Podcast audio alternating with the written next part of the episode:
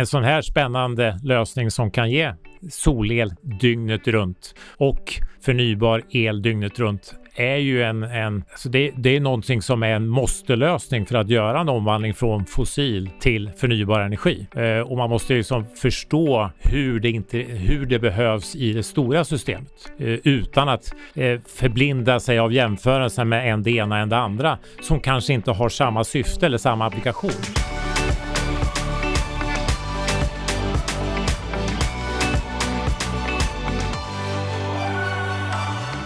Idag pratar vi med eh, Jonas Eklind som är VD för Aselio. Och eh, han ska berätta hur han hamnade på Aselio och vi kommer också gå igenom vad Aselio gör och hur tekniken fungerar. Samt precisera utmaningar och potentialen så gott det går. Men Jonas, vi ska prata lite mer om dig och din bakgrund sen. Men jag tänkte att vi kan börja med eh, Aselio. Vad gör egentligen Aselio? Vi jobbar ju med att lagra förnybar energi så att vi kan producera förnybar el dygnet runt och på så sätt skapa en lösning som kan ge eh, förnybar el även på platser där det inte finns elnät eller det finns väldigt bristfälliga elnät. Men ni, eh, både, ni måste ju samla in elen också och sen måste man få ut elen också. Kan du eh, kort berätta om de här tre stegen? Ja, vår kärnteknologi är att vi kan lagra termisk energi, det vill säga lagra värme och sen kan vi omvandla den värmen till el. Sen kan vi då samla in energin in i lagret via olika sätt. Det ena är att vi speglar in den termiska energin direkt från solen, alltså speglar in solvärmen och direkt lagrar det som värme. Det andra är att vi omvandlar eh, förnybar el till värme och den elen kan givetvis komma från vad som helst, men typiskt från, från eh, solceller eller från eh, ett vindkraftverk. Jag lyssnade på en eh, presentation med dig och då diskuterade just det här problematiken med el på solceller. Att man använder som mest el mellan 16 och 22 och det är problematiskt om man inte kan lagra den el som man, som man samlar in. Ja, ett, ett grundläggande problem med all förnybar energi är ju att energin finns tillgänglig när naturen har lust att att ge oss den. Eh, och för sol är det ju väldigt typiskt att det är sol på dagen och inte på natten. Eh, jag var i Pakistan för några veckor sedan och fick eh, frågan varför vi jobbar med vår teknologi när, när solcellsel är så väldigt billigt. Och jag ställde en motfråga. Ja, vad kostar solcellselen i Pakistan 21.00 på kvällen?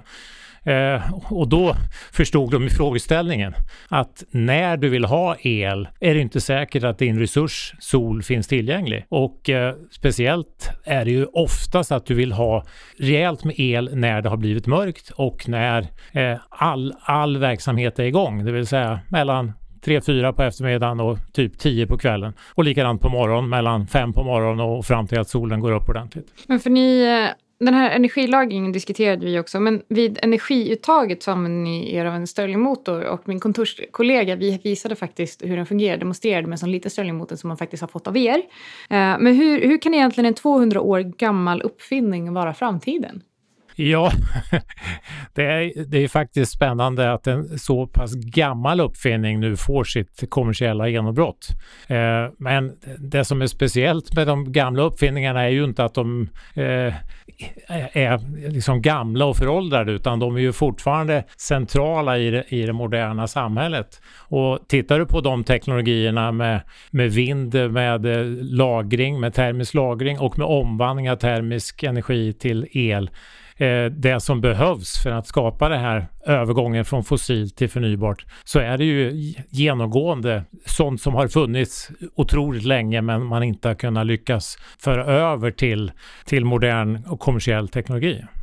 Aselius startade ju redan 2008, men vad, vad har ni egentligen gjort sedan dess? Ja, vi började ju med Stirlingmotorn för applikationen biogas, när man alltså eh, förbränner biogas, gör värme av det och eh, omvandlar det till, till el. Och eh, vi har ju byggt totalt 172 Stirlingmotorer, vilket är extremt mycket i Stirlingbranschen. Och vi har levererat en hel del industriella projekt eh, eh sedan 2008 Eh, för då just applikationen biogas till el. Och eh, flera av de eh, projekten de är ju i drift eh, dygnet runt eh, och de har ju gått eh, dygnet runt sedan 2008. Eh, och vi har ju idag en serviceavdelning som hjälper de här industriella kunderna med sina, sina stöldmotorer, service, underhåll, optimeringar. Eh, och vi har ju också använt eh, hela den här installerade basen som eh, en del av vår utveckling för att optimera Stirlingmotorn för den här mera storskaliga användningen tillsammans med energilagret och att eh, flytta ut den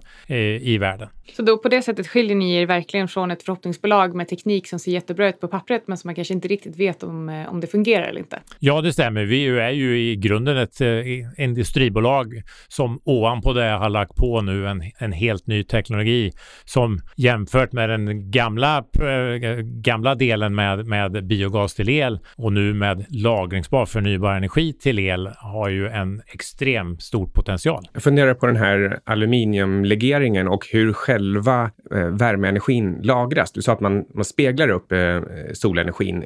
Är det då direkt på någon, eh, någon typ av eh, boll med aluminium i? Eh, ja, eh, i princip så. Eh, när vi, alltså, när vi speglar in det så speglar vi den termiska energin direkt på lagerväggen. Så att det är lagret i sig som är mottagaren. Och använder vi el så värmer vi då en, en, en vätska som, som vi då trans, transporterar energin från det här el, elvärmaren in i lagret. Men vi transporterar den bara några centimeter. Och, och, och hur, hur värms den vätskan med, med elen? Är det en kokplatta? Ja, i princip. Det är som en eh, avancerad doppvärmare då. Eh, det svåra här är ju inte att, att jobba med att ta in värme, att lagra värme, att omvandla el till värme. Det svåra är ju att göra det vid, vid en hög temperatur. Eh, och den här höga temperaturen är ju helt fundamental för en sån här lösning. Dels för att du ska få en energidensitet och kunna lagra mycket energi utan att det eh, rasar iväg i massor med kubikmeter och det vill säga massor med kostnader. Eh, och i andra sidan är det att om du ska omvandla någonting från värme till el så är ju verkningsgraden i det alltid helt beroende på, på den eh, temperaturdifferential du kan skapa. Eh, och en Stirlingmotor går ju på skillnaden mellan den varma och den kalla sidan och den kalla kalla sidan den kyler man ju med omgivningstemperaturen och den är ju given. Och kan man då ha den varma sidan vid väldigt hög temperatur och där vi jobbar då vid 600 grader Celsius, då får man en väldigt hög verkningsgrad i den omvandlingen från värme till el. Och det blir eh, 600 grader av de här speglarna, eller hur högt upp går man? Ja, lagret jobbar lite drygt 600 grader, men, men alltså med hjälp av solvärme och speglar eh, i fokalpunkten så är det ungefär 2000 grader. Sen eh, sprider man ut den energin över en större yta och, och, och, så att man kan lagra in det vid runt 600 grader Celsius. Och sen ligger det här som någon typ av eh, tank eller någonting under marken eller var, var någonstans är den smälta aluminiumen? Eh, nej, den, den, är inte under marken men, men eh, vi har byggt som en termos bara att termosen tål 600 grader Celsius. Eh, och principen man använder här, den kallas ju för fasomvandling eller PCM på engelska då, Phase Change Material. Att du använder övergången från fast till flytande och i den övergången så kan du dels lagra in mycket mer energi och sen när man tar ut energin ur lagret så görs ju det vid en konstant temperatur. Så det är alltså när den stelnar eh, från, fast, eller från flytande till fast då, men vid samma temperatur. Det, det, är där energiuttaget kommer. Så att den här, den här stelnar varje dygn när ni tar ut energin. Ja, precis. Eller i princip stelnar. Det, det mest ekonomiska att köra systemet är att man kör från princip stelnad till flytande Eh, men om man jämför med då att man skulle kunna lagra in värme i en stenbumling. Eh, då skulle man få en väldigt stor stenbumling för att kunna lagra lika mycket energi. Men problemet är ju då att man tar ut energin vid 600 grader och sen så ska man ta ut lite till. Ja, då kommer ju den energin vid 500. Tar man ut lite till, då kommer den vid 400. Och det vill säga, då minskar ju temperaturdifferensen och eh, då minskar ju också verkningsgraden radikalt på omvandlingen från värme till el.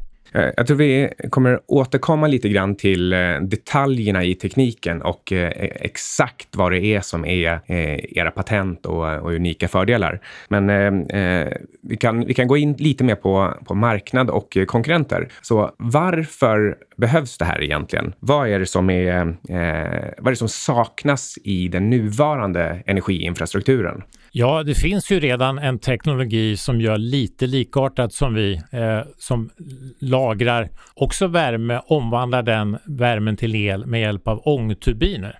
Eh, och den, det som är spännande är väl att den innovationen är ungefär 300 år gammal. Eh, när, när, du bygger med ångturbin, att du använder värme för att omvandla till ånga och sen använder det för att göra om det, driva en ångturbin som omvandlar energin till el, så måste de enheterna byggas storskaligt eller ännu större. Eh, och de typer av som energilagring av förnybar energi man har jobbat med hittills har ju varit storskaliga eller jättestorskaliga. Det vill säga den typen av värmelagring med ångturbinsomvandling eller pumpkraft med vatten. Att man pumpar upp vatten och så gör man vattenkraft då. Eh, och har du en storskalig energiproduktion så kräver, krävs det ju att det finns ett elnät först för att distribuera elen ut till användaren och det krävs ju att det finns ett stabilt elnät för att få ut energin eller elen då till användaren. Och eh, det är ju där det brister. I, I, stora delar av världen finns det inget elnät alls, men det finns många eh, som har behov av el. Eh, och i ännu större delar av världen så finns det ju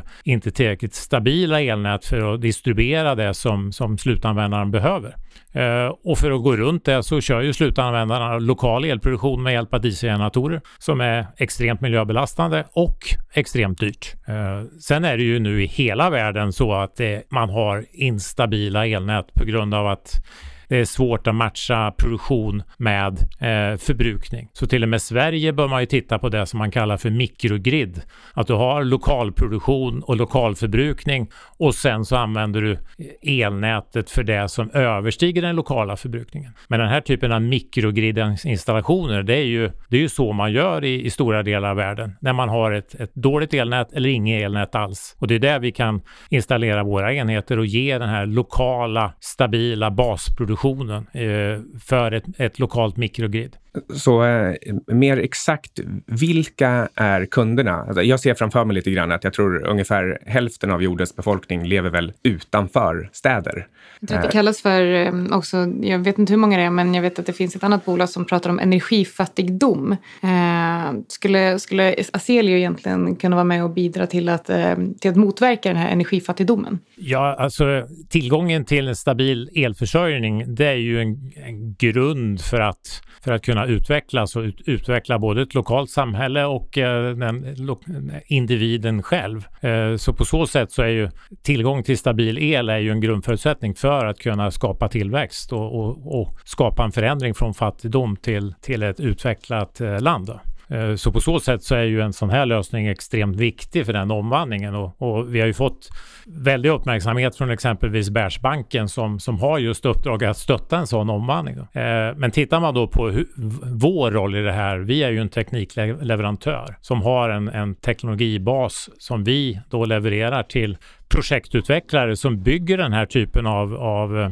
Eh, system, bygger mikrogrids, bygger lokal elproduktion. Eh, så att vi levererar ju till de som ska bygga de här näten. Alltså då är vi en, en, en teknikleverantör. Eh, och de här projektbolagen, de kan ju finnas i, i, i, Sverige eller Norge finns det ju flera sådana. Det finns ju i Europa och det finns ju distribuerat i världen. Eh, och ofta så är ju de här energibolag, eh, projektbolagen, de levererar ju en komplett slutlösning till slutanvändaren, inklusive drift, inklusive finansiering, inklusive eh, hela upplägget med el. Alltså, eh, slutanvändaren köper resursen kilowattimme och vår kund levererar det kompletta projektet som, som skapar det. Om man ska titta lite mer eh, exakt på vad det är ni egentligen tillverkar och levererar. Ni, ni, har pratat om hur många enheter ni ska tillverka. Är det så att ni alltid tillverkar en enhet i en viss storlek? Ja, så som vårt system är byggt och systemkonfigurationen och varför det ser ut exakt som det gör det är ju utifrån ett extremt eh, omfattande simulerings och undersökningsarbete. Vi har ju tittat på ett par hundra systemlösningar innan vi har valt just den här. Eh, och det mest eh, framgångsrika, mest eh, kostnadseffektiva som vi har sett är att man bygger en, ett lager tillsammans med en Stirlingmotor eh, som en modul. Och hur eh, stor är en sån modul i eh, energi Ja, då har du ju en stirlingmotor har ju den nominella effekten på 13 kilowatt eh, och eh, sen har du ju lagret har ju energi lagrat i sig motsvarande 13 timmars drift på, på den här nominella effekten. Och sen beroende på hur du konfigurerar systemet så, så kan man ju också köra samtidigt som eh, man kör ut solel eller vindel eh, på nätet som man lagrar in eh, och eh, samtidigt som du lagrar ur lagret så kan du både producera el direkt från lagret eller det kan komma från din omgivande infrastruktur. Det vill säga att du kan bygga en lösning för att ge 24 timmars el per dygn. Och eh, nu ska vi se 13 kilowatt. Hur, eh, hur mycket är det jämfört med typ en, eh, en villa eller en lägenhet? Ja, om du, om du hade 13 kilowatt dygnet runt i din villa, då skulle du ha väldigt, väldigt, väldigt mycket el. Eh, Eh, en sån här modul är ju, är ju, om man skulle räkna det så, så skulle det ju passa för några större villor, en handfull, en handfull kanske. Eh, beror givetvis på var i världen och vilket värmesystem, kylsystem man har och så vidare. Men, men i vårt upplägg så sätter vi ihop de här modulerna till enheter. Eh, och det minsta vi har sagt vi ska leverera det är ju någonting som då har en nominell effekt på 100 kilowatt. Så eh, cirka åtta sådana moduler blir en enhet. Ja. Och sen eh, har ni sagt att när väl volymproduktionen kommer igång andra halvåret 2021, då är tanken att tillverka 1500 sådana sammansatta enheter under det andra halvåret. Det är 1500 moduler. Ja, 1500 moduler. Ja. Ah, okay. Eh, och det vi har sagt också är att vi, vi fokuserar på projekt som är ungefär från eh, en halv megawatt upp till 20 megawatt i nominell effektbehov och vi tittar på projekt mellan 100 eh, kilowatt och 100 megawatt. Mm, okay.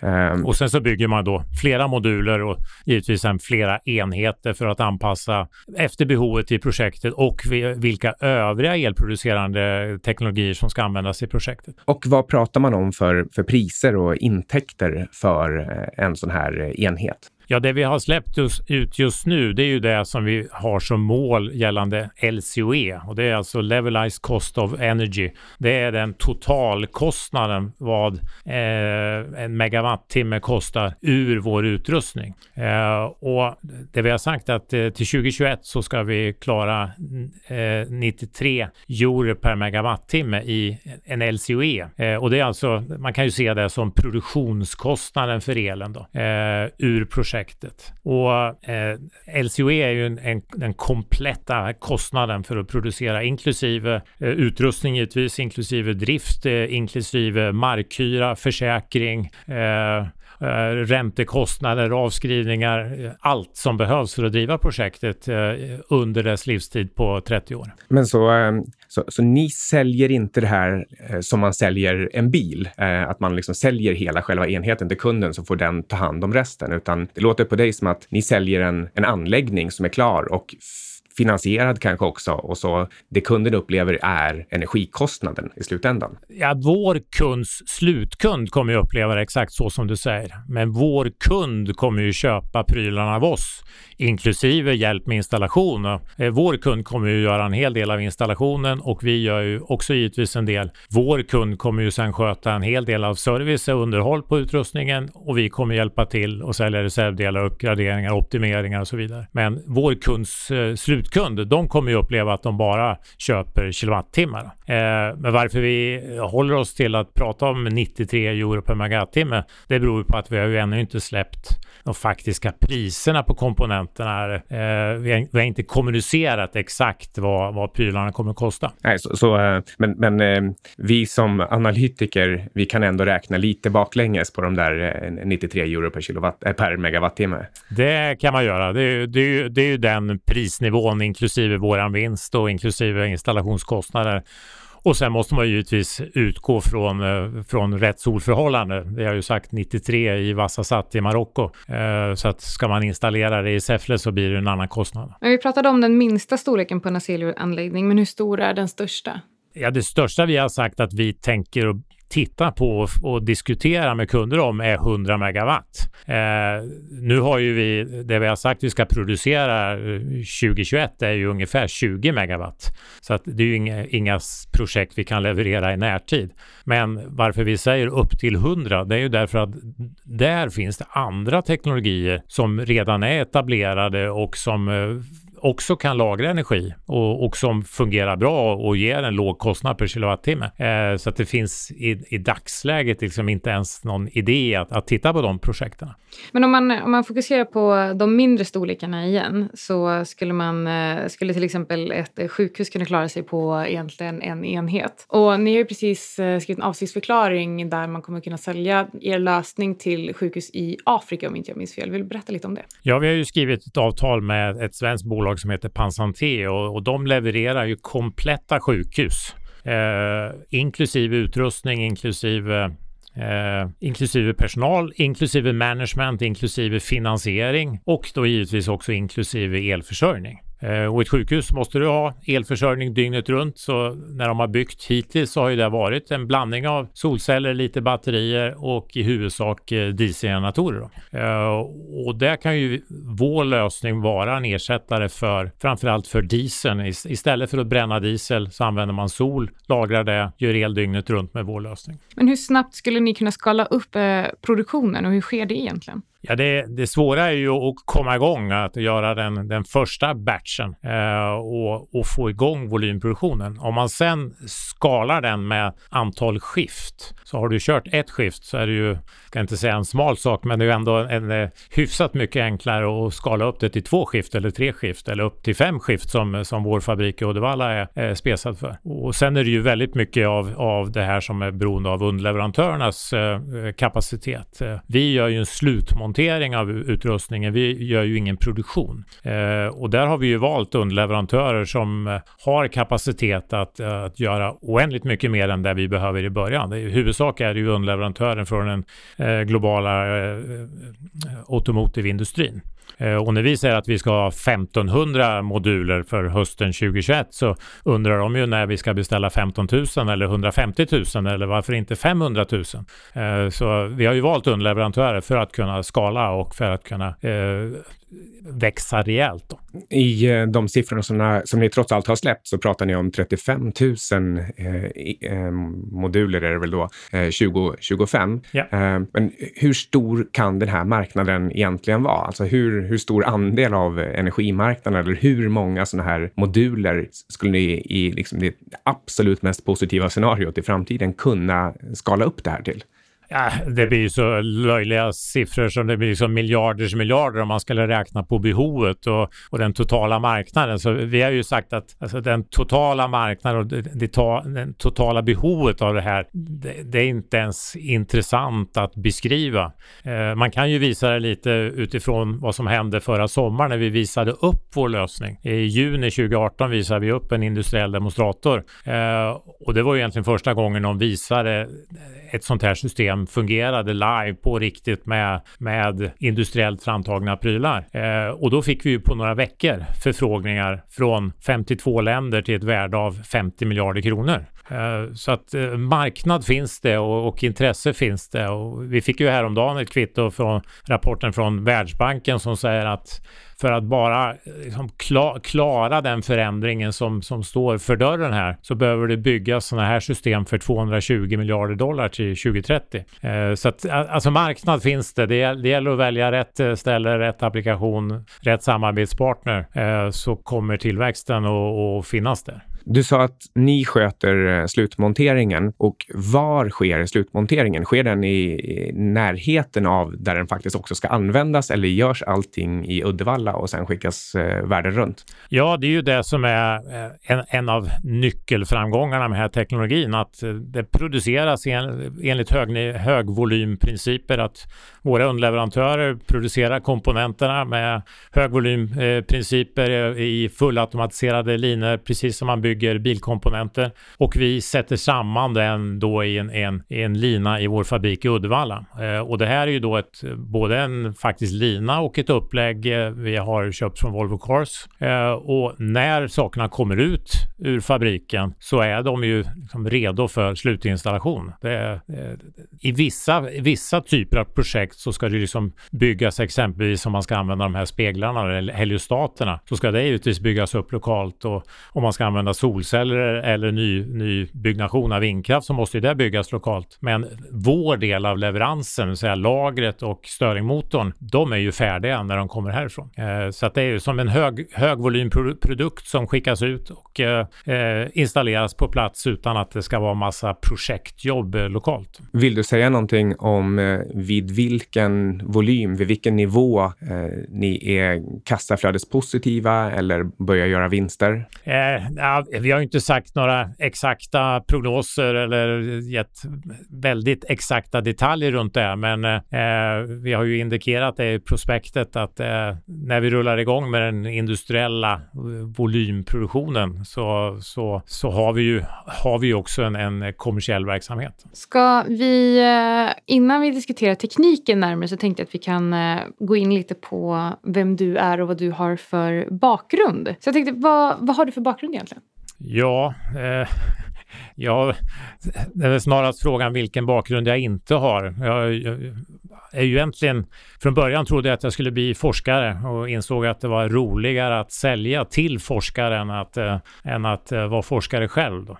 Eh, och sen har jag ju i många år här jobbat med eh, avancerad teknik inom förnybar energi. Eh, och tittar man på det jag jobbat med så är det ju både storskalig vindkraft, småskalig vindkraft, jag jobbar med bränsleceller, vätgasproduktion, vätgaslagring, jobbat med eh, batterier eh, och även jobbat en del med vattenkraft. Och det jag kanske har jobbat mest innan det är ju egentligen industriell optimering och att skala upp industriell verksamhet på olika sätt. Men man kan säga att du är specialiserad på energitillverkning och energilagring med andra ord? Ja, det kan man lugnt säga. Och, eh, från från bakgrunden är ju att jag började med ganska storskaliga lösningar men, men såg ju att det stora behovet och, och där det också finns ny marknad som inte är alltså, eh, styrd av, av några få stora eh, energibolag, det är ju när det är sämre förutsättningar för, för eldistribution. Och det finns ett behov av den här mikrogridslösningen, antingen rent off-grid eller ett mikrogrid kopplat till ett instabilt elnät. Och hur kommer det sig att du hamnade på Aselio? För du har suttit där sedan 2015 va? Eh, ja, jag började ordentligt i januari 2016. Började lite grann i, i året innan där. Eh, och det var ju just den här kombinationen att solenergi tycker jag är ju extremt intressant för det, det finns hur mycket energi som helst. Den är lättillgänglig i princip överallt på eh, världen och kan man då jobba som Aselio med en termisk omvandling av termisk energi till el så finns det också förutsättningar att skapa den här eh, lagringen och en eh, dygnet runt lösning som verkligen behövs. Eh, och jag har ju sett problematiken eh, både när det gäller att lagra i batterier från min tid som VD för en batterifabrik och eh, från andra projekt som jag tidigare jobbat med att bygga den här typen av dygnet runt-lösningar. Så att jag, jag såg ju en idealisk möjlighet att, att kombinera solenergi med eh, dygnet runt-lagring. Var det någonting särskilt som gjorde att du eh, ville släppa till exempel det här med vätgasceller eh, och, och, batterier? Eh, var det särskilda miljömässiga hänsyn eller var det just det här att nej, men det där är någonting som används där det redan finns en infrastruktur? Om man tittar med vätgas och vätgaslagring så skulle jag säga att eh, den största framtiden det har det är ju för transportsektorn. Eh, och en otroligt stor fördel med just med vätgas det är att du kan producera den på ett ställe, transportera den, använda den på ett annat ställe eh, och är ju extremt effektiv för transportlösningar. Men däremot för att göra dygnet runt lösningar så är den ju betydligt mycket dyrare än att lagra med värmeenergi. Eh, och batterier har ju sina problem, både miljömässiga och, och, och mineralbristmässiga och, och, hela den tillväxtproblematiken där du, liksom, du, du, skapar mer problem än vad du löser. Det finns en, eh, lite andra lösningar också som eh, använder Stirlingmotorer som eh, jag tror använder smält salt. vet du några detaljer om det här? Har du kritik eller beröm? Alltså när, när vi tittar på vilket lagringsmedel vi skulle, skulle använda oss av så hade vi ju tre grundkriterier kan man säga. Det ena är att eh, det skulle eh, ha rätt kostnad. Eh, och det andra var ju att det inte skulle vara någon eh, bristråvara utan vi skulle inte hamna i något bristproblematik utan hur mycket vi än växte så skulle vi få tag i råvaran till ett bra pris. Och sen då eh, egentligen grund, grunden varför vi inte valde salt. Det är ju att vi skulle ha en lösning som kunde vara fullt industrialiserad, fullt testad och verifierad för volymproduktion 2021 och tåla en bra bit över 600 grader. Eh, och eh, vi hittar inga, inga saltlösningar eller salt, saltlagringslösningar som, eh, som, som hade alla de tre och speciellt den här senare då att klara eh, en bra bit över 600 grader och kunna vara fullt industrialiserad till 2021.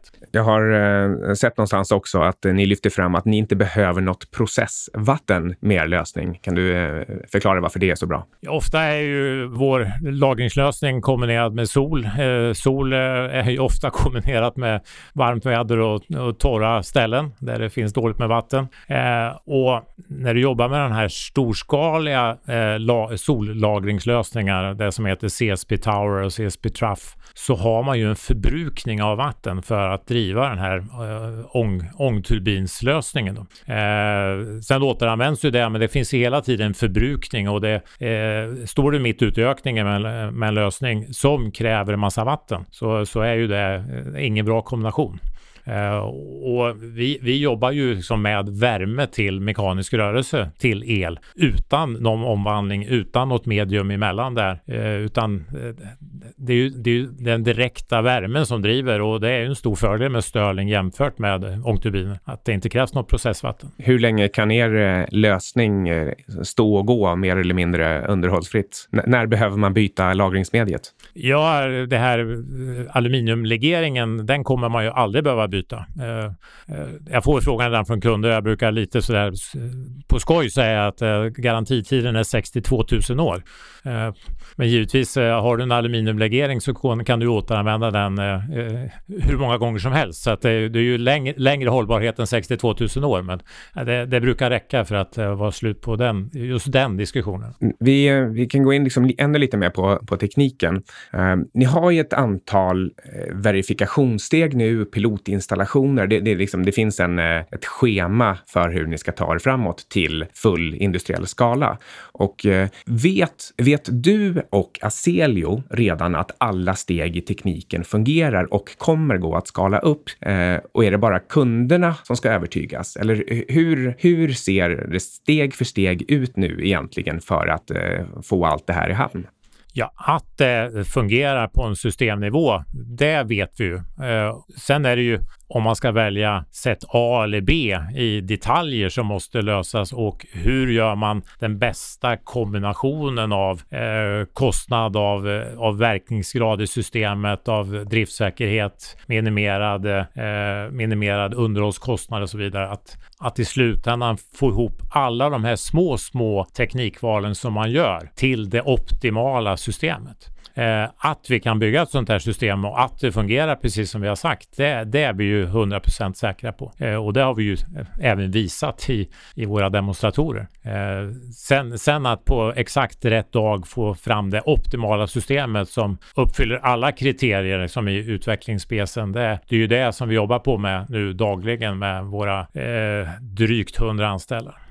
Men vilka utmaningar kvarstår egentligen innan kunderna kan vara helt övertygade om att eh, lösningen är ekonomisk och eh, miljömässigt effektiv? Ja, tittar man hos våra kunder så skulle man nog säga att alla är fullt övertygade. Det, det finns nog ingen som inte tror att vi kommer att lyckas med det här. De som vi måste övertyga är ju snarast kundernas finansiärer. Eh, för tittar du på, på ett förnybar energiprojekt så, så kan alla vara jätteglada, alla är jättelyckliga, men det finns ju inget riktigt projekt förrän det finns en finansiell sign-off.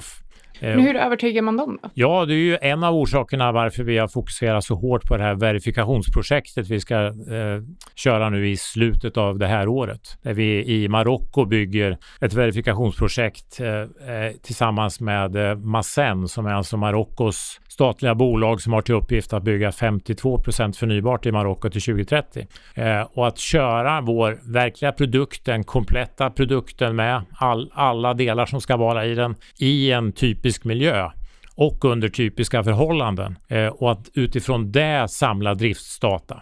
Eh, det, det, är den driftsdata som krävs för att kunna eh, eh få ett finansierat projekt. Men förutom det här, eh, det här projektet, då, vilka andra viktiga riktmärken har ni framför er för att kunder ska veta vad erbjudandet innebär? Jag funderar väl kanske framförallt då på pilotinstallationer och, eh, och sen så också en fråga om den här emissionen som ni har pratat om ska genomföras någon gång under 2019, om du har något svar på när. Och andra kanske politiska hänseenden eller samarbetspartners och avtal.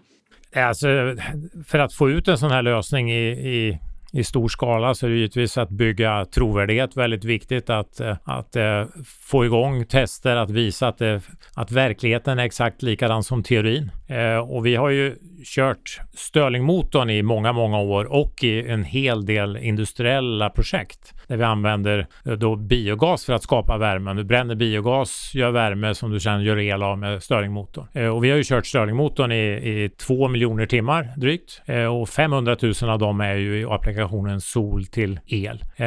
Det som saknas nu är ju att, att bygga den typen av verifikationstimmar även med Eh, den kompletta lösningen inklusive lagret. Eh, och det är ju det vi kommer ha framme under nästa år. Eh, och, tittar man då ur ett finansiellt perspektiv och, och, när man kan säga att den är verifierad för ett, ett projekt är ju väldigt beroende på hur stort projektet är. Ska du bygga ett eh, 200 megawatts projekt, då är det typiskt att man måste presentera driftsdata från tro, två olika länder över tre år. Eh, och det är ju ganska svårt om det är en ny lösning. Och, eh, men däremot om man ska bygga ett halvmegawattsprojekt, ja då räcker det troligtvis att eh, presentera driftsdata från några månader från en plats. Eh, och vi har ju också sagt att vi under nästa år ska installera någon form av kommersiellt projekt eller eh, i mindre skala. Eh, och vi kommer ju också i slutet av nästa år bygga ett, ett ett slutverifieringsprojekt innan vi trycker på den stora startup-knappen för volymproduktionen. Och allt det här bygger ju här, både verifieringsdata men det bygger ju också trovärdighet för lösningen att andra exponerar sig både genom att eh, som Asen nu gör att, eh, att vara vår verifikationspartner. Det är ju de som, som eh, lägger in en hel del resurser i det här. De lägger in sin utvärdering eh, och bygger vi sen kommersiella projekt så får vi också som externa partners som lägger in pengar i det här, lägger in sin, sin risk i det. Och då har du plötsligt byggt eh, eh, ytterligare trovärdighet för att kunna bygga större projekt och få finansiering till större projekt. Då. Jag tänkte att vi kan byta perspektiv lite innan vi går in och diskuterar tekniken lite mer. Och någonstans, jag och Micke sitter ju faktiskt här som investerare i bolaget och de som lyssnar på den här podden sitter ju också där och lyssnar som antingen nuvarande investerare eller potentiella investerare. Och då är jag lite nyfiken på vilken typ av milestones eh, ska vi som investerare hålla reda på och hålla koll på när det kommer till Aselio? Vad kan vi titta på framöver och vad betyder till exempel? För det är många som blev förvånade över den här emissionen som egentligen alla visste någonstans skulle behöva göras. Så vad, vad bör man som investerare hålla utkik efter och titta på när det kommer till er? Ja, det, det ena är ju att vi beskriver ju prospektet extremt eh, tydligt att eh, de pengar vi tog in då skulle, skulle räcka eh, en viss sträcka eh, och det vi har kommunicerat nu är att de räcker något längre än vad vi sa i prospektet. Eh, så att det, det, är klart, blir man förvånad då, blir man förvånad då så, så kanske man skulle ha läst på lite tydligare.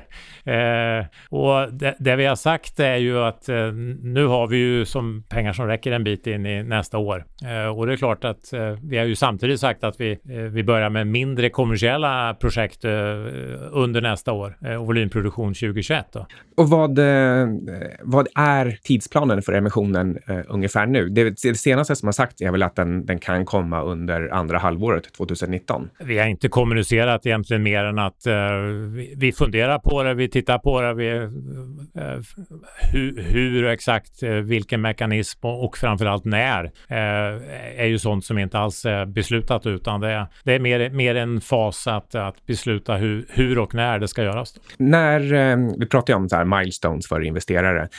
När ungefär kan man vänta sig nästa stora nyhet? Det vill säga till exempel att Massen eh, sätter någon, eh, någon eh, underskrift på att nu är det här verifierat. Vi, vi är klara på Massen med projektet. Ja, verifieringen ska ju starta och producera el innan nyår 2019. Eh, och sen behöver man ju köra eh, åtminstone några månader innan man kan säga att det här är verifierat. Så, så den delen är ju någon gång under, under nästa år. Då. Eh, sen hur mycket verifiering man behövs innan man har en, en belåningsbar teknologi, det beror ju som sagt på väldigt mycket på vilken storlek på projekt vi pratar om och vilken typ av kund och, och i, i vilken fas det projektet ska byggas. Då. Men. Och i Massens fall, vem är det som eh, avgör om den är belåningsbar? Ja, alltså, eh, Massens eh, uppgift är ju att vara med och analysera det här och ta fram data. Eh, och det är ju sen eh, finansiärerna som, som säger ja det här, kan vi, det här kan vi låna ut pengar till. Och det antar jag, är det någon eh, lokal marockansk bank eller är det de, de stora globala spelarna? Ja, det är ju de som lånar ut till de här projekten, vilket i princip alltid är, är någon form av global spelare. Eh, de som bygger de här projekten eh, och som då ska säkra den här finansieringen, de, de jobbar ju i huvudsak med, med globala, globala aktörer aktörer. Eh, många jag pratar med, de har ju sin finansiering från exempelvis London eh, och beroende på projekt så kan man ju ha finansiering från Världsbanken eller IVC och, och liknande. Eh, men det är ju väldigt sällan en, en lokal bank som är, är den som finansierar ett sånt här projekt. Kan det vara så att något annat, lite mindre projekt, eh, låt oss säga ett, eh, ett halvmegawattsprojekt, hinner före, alltså hinner springa om och bli verifierat innan man sen, om det är så att de behöver mindre data och kan göras eh, snabbare?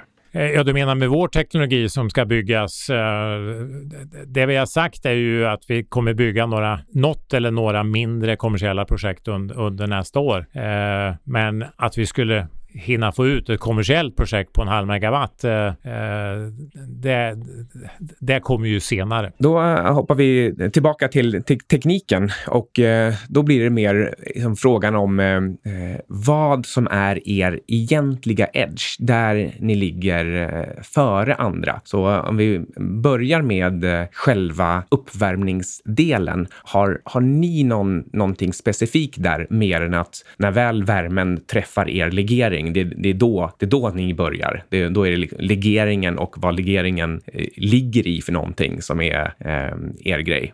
Ja, att få in energin i lagret så, så har vi ju som sagt två olika sätt att göra det. Eh, och det ena är ju då att, att spegla in energin med hjälp av eh, heliostater. Eh, och de tillverkar ju inte vi eh, som så, utan det är ju ett externt bolag som tillverkar heliostaterna. Men vi har ju utvecklat sättet att vilken typ av heliostat man ska använda, vilken typ av krökning, vilken typ av styrning. För att det är ju extremt viktigt att energin träffar precis där den ska träffa. Eh, och med precis den energidensitet på lagerväggen. Eh, sprider du runt energin mer än, än vad det är tänkt, ja, då blir ju verkningsgraden mycket lägre. Eh, ännu värre kanske om du gör åt andra hållet, att du koncentrerar den lite för mycket för då kommer du elda upp saker. Eh, och inget av dem är ju eh, ett bra alternativ. Eh, så att vår, vår kompetens och liksom det vi har som IP börjar ju egentligen redan när, hur energin koncentreras in mot lagret. Eh, och likadant när vi pratar elvärme så elvärmaren i sig det är ju en kommersiell elvärmare som vi, som vi har utvärderat och kommer att köpa så att säga av en leverantör. Men att få energin från elvärmaren in i lagret det är ju baserat på vår egen, eh, egen teknologi. Och där har ni väl också ett, eh, ett pilotprojekt igång för att verifiera att det också funkar som det ska? Det är väl inte helt klart än? Ja, en, eh, en väldigt grundläggande eh, problemställning när vi började med det här för några år sedan, det var ju hur flyttar man energi? Eh, och våra simuleringar visar ju att flytta energin så lite som möjligt, kortast möjliga distans att flytta är optimalt. Men likväl så måste energin på något sätt flyttas från lagret till Stirlingmotorn och då från nu elvärmaren in till lagret. Och när vi tittade vad som fanns på marknaden i lösningar vi kunde köpa så allt vi hittade förstörde ju ekonomin totalt för projektet. Eh, du kunde ju köpa en pumplösning ut på stan, men den var ju lika dyr som hela vårt system. Eh, som det blev meningslöst. Eh, så det första vi gjorde det var ju att titta, kan vi ta fram en pumplösning som flyttar energin precis som vi vill, som kan stå ut i öknen i 30 år, kräver minimalt med service och som inte kostar något att tillverka. Den lätta, lätta spesen då på utvecklingsprojektet och som då skulle kunna jobba vid de här höga temperaturerna runt 600 grader. Eh, och vi tog ju tidigt fram eh, eh, två olika pumplösningar som vi då satte för ett par år sedan i verifiering. Eh, och där vi nu har en av dem eh, gått vidare och eh, gjort ett volymproduktionskoncept med en, en global pumptillverkare. Eh, och det är den då lösningen som vi använder för att flytta energin från lagret till Stirlingmotorn och som vi nu också använder för att flytta energin från elvärmaren in till lagret. Uh, och det var, det var egentligen en av förutsättningarna varför vi kunde lösa det här tillägget på produkten med att köra el in till värme uh, vid sidan av uh, värme till värme. Och då blir det en proprietär lösning som faktiskt också ger er eh, lite av en, eh, en vallgrav för, eh, eh, gentemot andra lösningar. Ja, just den här att energiflyttningen eh, är ju en extremt viktig del av systemet där vi nu har en helt egen lösning eh, och där vi också har eh, en hel del patentansökningar på gång. Eh, och för det nästa steg då så själva lagerdelen ser det också likadant ut. Där har vi också ju byggt en hel del olika simuleringar, varianter på hur energin ska kunna sprida sig i lagret, hur det ska undvika att det blir för varmt. Det är ju snarast det som är det svåra i en sån här lösning. Inte, inte att värma upp det och få det lagra, det, det kan man lätt göra, men det svåra är ju att få det, eh, att värmen sprider sig på rätt sätt, att du inte värmer upp delar av systemet mycket mer än andra delar. Eh, därför att det, det tål ju inte ett system. Och ska du dimensionera för att det ska tåla 900 grader, ja då, då förstör du hela kalkylen. Då, då klarar du inte den ekonomiska kalkylen. Alltså, eh, så att runt här, alltså hur får du in energin? Hur får du den lagrad? Hur får du den ut ur systemet över till Stirlingmotorn? Eh, där ligger ju extremt mycket av det som, som är vår utveckling, nyutveckling, vår teknologi och också Eh, en stor del av våra, eh, våra patent och patentansökningar. Vi har ju åtta patentfamiljer som, som eh, ligger just nu där vissa börjar rasa ut i, i i, eh, i godkända patent och andra ligger under, under ansökan. Är det komplicerat att sätta upp själva anläggningarna? Är det, är det mycket sån fintrimning? Jag, menar, jag, jag ser framför mig hur det är när man ska installera en, en pappersmaskin för 5 miljarder. Att det, det, tar flera år att eh, liksom skruva till varenda liten, liten eh, mutter för att den, att den faktiskt ska funka. Hur, hur är det här? Är det, är det, är det svårt eller rimligen enkelt när, när ni väl bygger den? Ja, hela systemet är ju byggt på det sättet att det ska vara minimalt att göra på plats, utan det kommer en färdig, färdigt system som givetvis måste trimmas in lite för lokala förhållanden. Men eh, det ska ju mer vara frågan om dagar än, än om år. Eh, och det är det som är den, den stora skillnaden mellan vår, vårt system och de här storskaliga eh, lagringslösningarna för solenergi. Att de byggs ju projekt. Det är ett projektbaserat eh, system som byggs som ett stort projekt lokalt och det tar flera år att bygga dem. Eh, I vårt fall så kommer det ju ett färdigt system som kopplas in och startas upp. Eh, så mer dagar jämfört med år och absolut eh, på en helt annan sida av skalan om du jämför med din pappersmaskin. Jag funderar lite på omvandlingen från elektricitet till aluminiumvärme och eh, då undrar jag hur stora energiförluster ni har där och när, det, när batterier egentligen kan vara ett bättre alternativ och när det inte är det. Ja, i, omvandlingen från el till värme, så de, de förluster som finns är givetvis små parasitförluster för att driva den här pumpen, vilket i sammanhanget är väldigt, väldigt lite. Eh, och sen så är det ju värmeförluster i, i värmaren eh, och de värmer ju fortfarande systemet. Eh, så att de förluster som blir, blir ju de eh, rena, rena värmeförluster ut ur systemet, vilket också i sammanhanget är extremt små.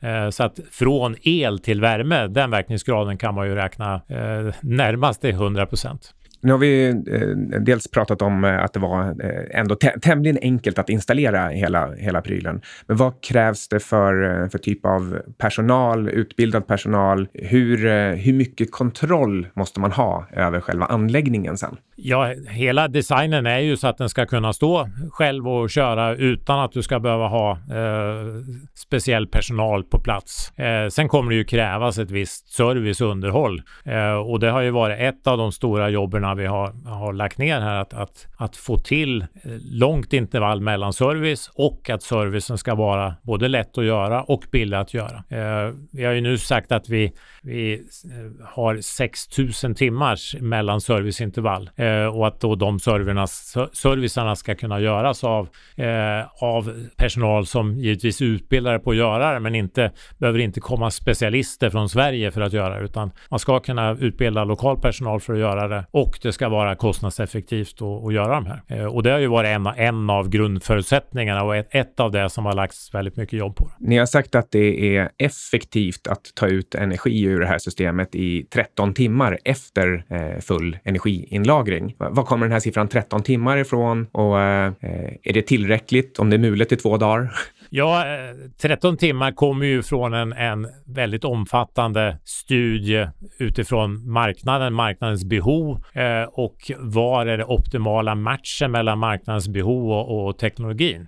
Eh, och det var ju bland annat eh, väldigt inblandad i den eh, utredningen då. Och eh, eh, vi hade givetvis kunnat valt vilken, vilket som helst, eh, allt mellan en och oändligheten. Eh, men 13 timmar är optimalt om du ska bygga sånt här 24 timmars eh, projekt för en stor, stor andel av de projekt i världen som vi tittar på. Därför att du producerar ju delar av, av eh, dagen eh, med solenergi då direkt och sen så har du dina 13 timmar på nominell eh, effekt kvar eh, när solen går ner. Och normalt så är ju inte Eh, energibehovet exakt detsamma dygnet runt. Utan eh, vissa timmar kör man ju systemet på lite lägre effekt. Eh, några timmar kan man ju köra på något högre än nominell effekt. Och totalt får man ihop en lösning som, eh, som är anpassat för, för kundens behov av 24 timmar per dygn. Eh, sen har du ju problematiken att är det inte sol varje dag, eh, det är var tredje dag. Eh, det går givetvis tekniskt att dimensionera systemet för att klara det också.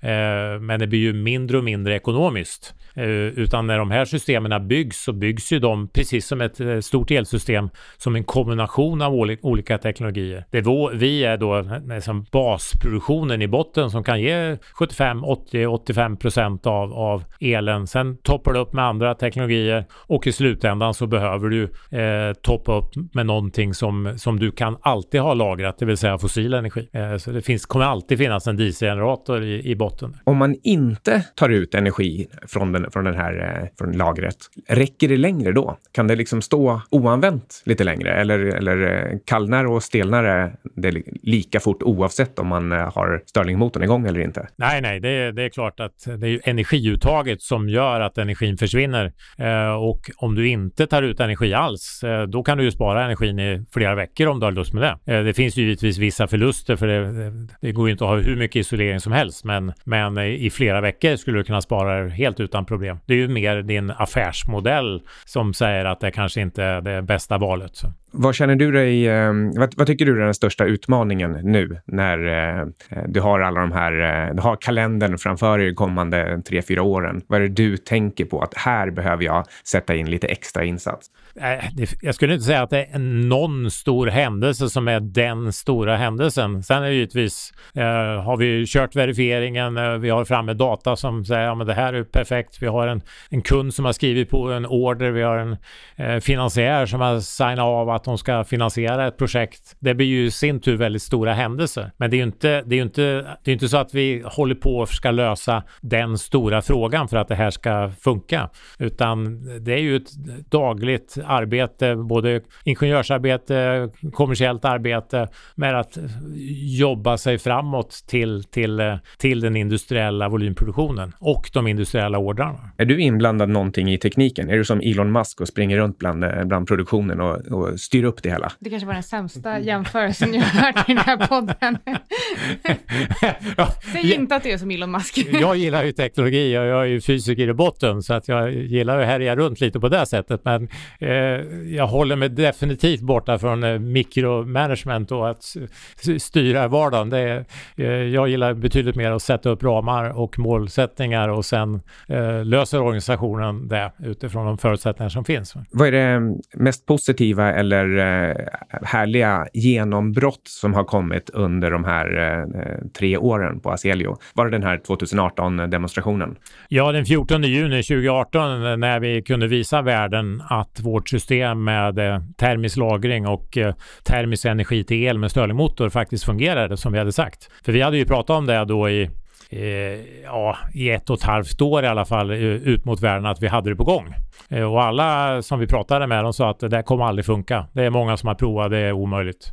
Eh, det kan ni bara glömma, lägg ner. Eh, eh och vi visste ju att det skulle fungera. Vi hade ju testat alla delsystem och vi visste ju att det skulle funka. Eh, men vi kände ju ändå behovet att visa världen att det faktiskt fungerade Eh, för att komma vidare den här resan. Eh, och just när vi kunde eh, ta in alla internationella gäster i vårt testlab i Åmål och visa upp att ja, men här står framtiden i en fabriksbyggnad i Åmål och, här, kolla, det funkar precis som vi sa. Det, det var den väl mest spännande eh, alltså, tidpunkten eller momentet här sen, sen jag började. Och vad tycker du nu att det är marknaden verkar mest missa eller missförstå eller inte, eh, inte tro på i eh, Aselios budskap? Ja, det är väl, det är väl några saker som eh, kanske missuppfattas. Det, det ena är väl eh, var våra kunder är och, och, hur vi faktiskt ska leverera det här. Eh, och eh, jag får ju höra väldigt många eh, eh, stories om hur svårt det är att leverera till exempel till afrikanska eller asiatiska eh, marknader. Eh, och jag är ju fullt medveten om de utmaningarna men eh, våran kund finns ju till exempel i, i Stockholm eller i Oslo och deras finansiering finns i, i London. Eh, och det är där vi gör upp affären, det är där vi gör upp leveransen. Och eh, de här bolagen som vi pratar med, de har ju redan jobbat på de här marknaderna i kanske 20-25 år. Eh, och, och, det är ju de som levererar till de här marknaderna, inte vi. Sen, sen blir det ju alltid en, en eh, Eh, en speciell situation givetvis att ha teknologi ute på, på lite svåra marknader. Men, men just att, att vi ska inte bygga upp, eh, bygga upp ett system för att leverera. Vi ska inte bygga upp hela de här processerna för att sälja på de här marknaderna och skapa finansiering, utan det är ju våra kunder som redan har gjort det. Sen kanske 20-25 år som tar de här Pansanté som jobbar med, med sjukhusen. De har ju jobbat och levererat sådana i 25 år. Eh, så att de vet vad de gör. De har de här processerna eh, och de har ju tidigare levererat andra energilösningar och nu ska de leverera våra. Eh, sen då med det här tillägget med eh, med el till värme som vi nu har så breddar vi ju användningsområdet och, och plötsligt så kan vi leverera eh, istället för halva världen så kan vi leverera till hela världen. Då. Eh, och där kanske man eh, inte tänker riktigt på när och var det passar. Och det är ju samma sak där. Projekt mellan 100 kW och 100 megawatt i nominell effekt. Och det gäller ju både in och ut i systemet då. Så, så är det liksom de lämpliga storlekarna, lämpliga applikationerna. Ja, det blir väl också en, eh, en direkt konkurrent till eh, batterilagring? Ja, egentligen inte, för att eh, när du jobbar med batterier idag så flyttar man mer effekt än energi. Eh, så att du laddar i batterierna för att du ska klara effekttoppar på kanske 20 minuter, en timme eller två timmar eller du kanske ska klara eh, obalanser i effekt som visar sig i frekvensen. Eh, att frekvensen varierar, att du ska behöva stötta frekvensen då i millisekunder eller sekunder. Eh, och det är ju där batterierna används framförallt i, i, i, liksom i stabila elsystem just nu. Eh, men däremot om du ska flytta energi, om du ska flytta eh, åtta timmar från dagen till åtta timmar på natten eller om du ska under sex timmar lagra in energi så att du har till 13 timmar på natten i lite högre effekter, då är plötsligt inte batterier den lösning som eh, används. Därför att man bygger inte sådana projekt helt enkelt, därför att då, då har inte batterier eh, varit en bra lösning. Och, och, där kan vi då erbjuda en intressant lösning. Har du någonting sista du vill eh, tillägga innan vi avslutar? Ja, det är väl att eh, en sån här spännande lösning som kan ge solel dygnet runt och förnybar el dygnet runt är ju en, en alltså det, det är någonting som är en måste-lösning för att göra en omvandling från fossil till förnybar energi. Eh, och man måste liksom förstå hur det, inte, hur det behövs i det stora systemet eh, utan att eh, förblinda sig av jämförelser med en det ena än det andra som kanske inte har samma syfte eller samma applikation. Eh, och det är ju snarare som så att alla teknologier som överhuvudtaget finns för att göra om fossilt till förnybart kommer att behövas. För marknaden är så enorm och utmaningen är så enorm och förändringen att gå över från fossilt till förnybart är också så enorm. Så att alla typer av teknologier kommer behövas inom sina segment eller sina nischer och så vidare. Utan det är ju som det är förnybar teknologi mot fossil. Det är ju där frågeställningen står. Inte vilken förnybar teknologi som ska vinna mot vilken. Så sammanfattningsvis skulle man kunna säga att eh, ni kan vara en del av lösningen på energiproblemet som egentligen är den största utmaningen som framförallt mänskligheten står inför. Ja, och det är ju det är ju, det är ju både den här fossilanvändningen och eh, de som idag inte har eh, el. Och skulle man se utvecklingen så vill ju alla ha stabil el. Eh, och det som händer i världen är ju snarast att eh, det blir mer instabilt ju mer förnybart man för in. Och kravet på energilagring blir ännu större. Eh, och risken är att man då för in fossil, mer fossilt för att, för att motverka den ökade inblandningen av, av förnybart. Och sen på de eh, delar av, av eh, världen som idag inte har el alls, att man då for, att man där också bygger upp en ny fossilbaserad e, elsystem. Det, det, är ju det, det är ju det värsta som kan hända. Istället för att börja med den eh, förnybara resan på en gång. Då tackar vi eh, Jonas Eklind från Aselio så himla mycket. Tack så jättemycket för att eh, du kom hit. Vi kommer också släppa en eh, skriftlig artikel via Insiders där ni kan läsa mer om Aselio och eh, lite mer kanske om Milestones framöver. Tack så mycket. Tack.